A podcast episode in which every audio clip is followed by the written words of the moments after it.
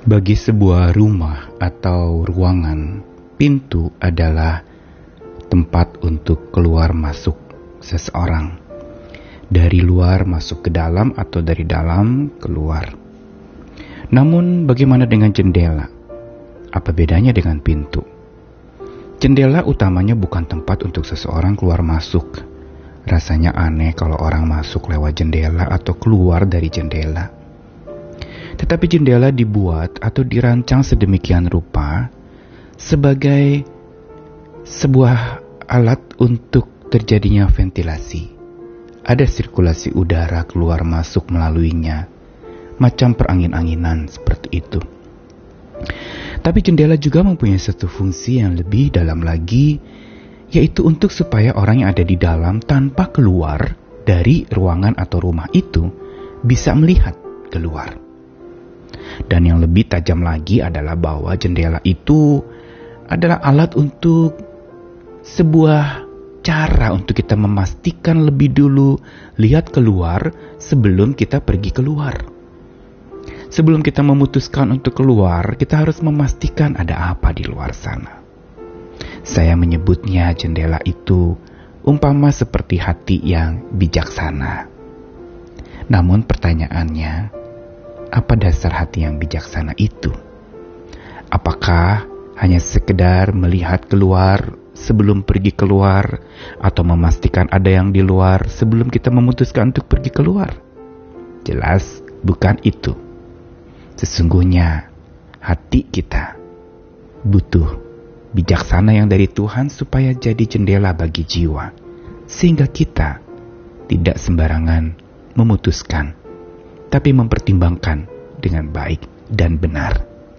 Dan jendela adalah perantara untuk kita bisa melihat keluar sebelum pergi keluar, memastikan sebelum memutuskan.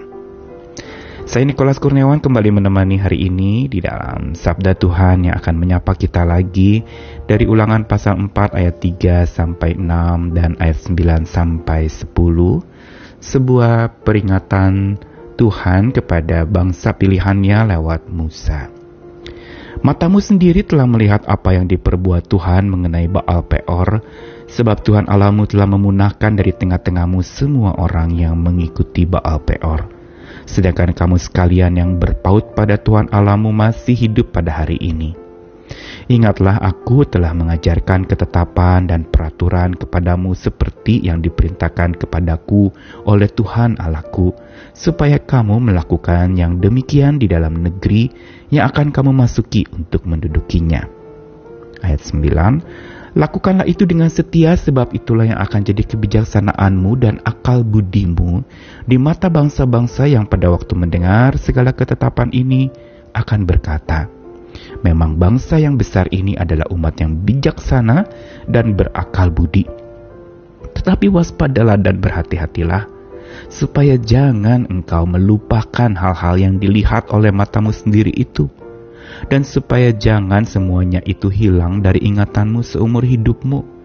Beritahukanlah kepada anak-anakmu dan kepada cucu cicitmu semuanya itu, yakni hari ketika engkau berdiri di hadapan Tuhan Alamu di Horeb, waktu Tuhan berfirman kepadaku, Suruhlah bangsa itu berkumpul kepadaku, maka aku akan memberi mereka mendengar segala perkataanku, sehingga mereka takut kepadaku selama mereka hidup di muka bumi dan mengajarkan demikian kepada anak-anak mereka.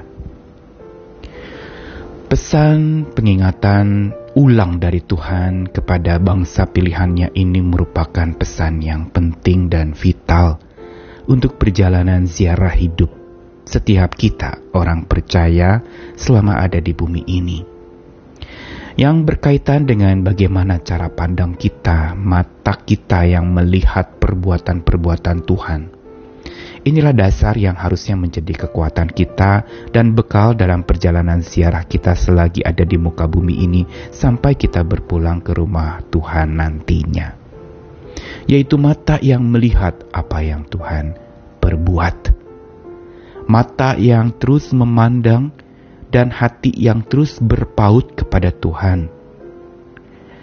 Karena orang yang matanya melihat perbuatan Tuhan, dan yang hatinya selalu berpaut kepada Tuhan dikatakan akan memiliki hidup.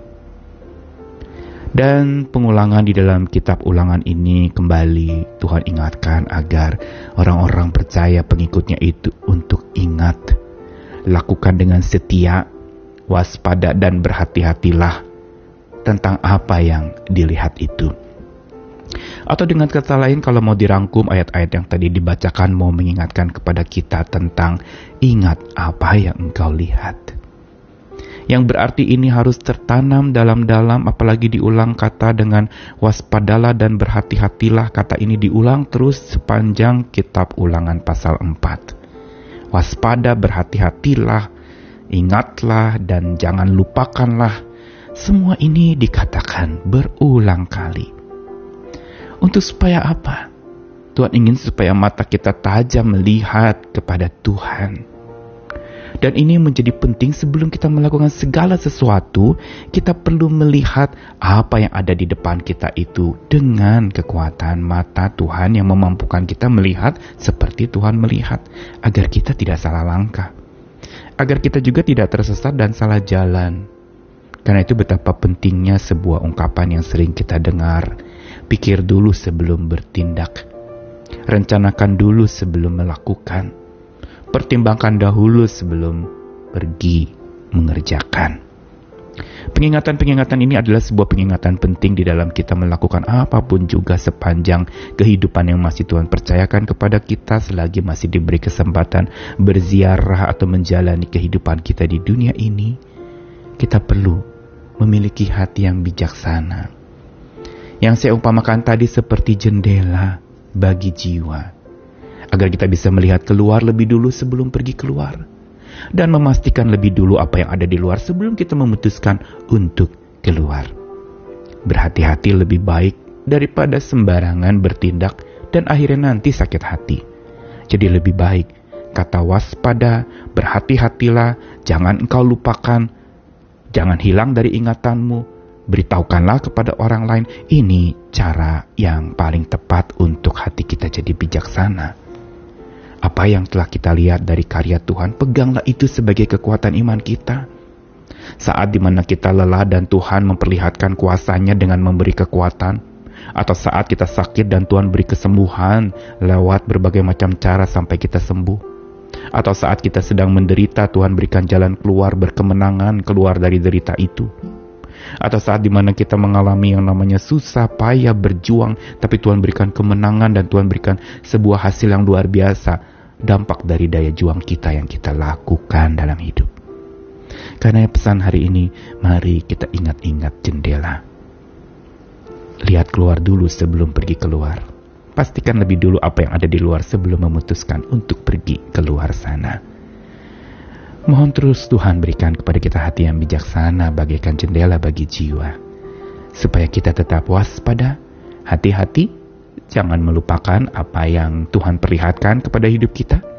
Dan jangan juga hilang dari ingatan kita akan segala pesan-pesan hikmat dan bijaksana dari Tuhan.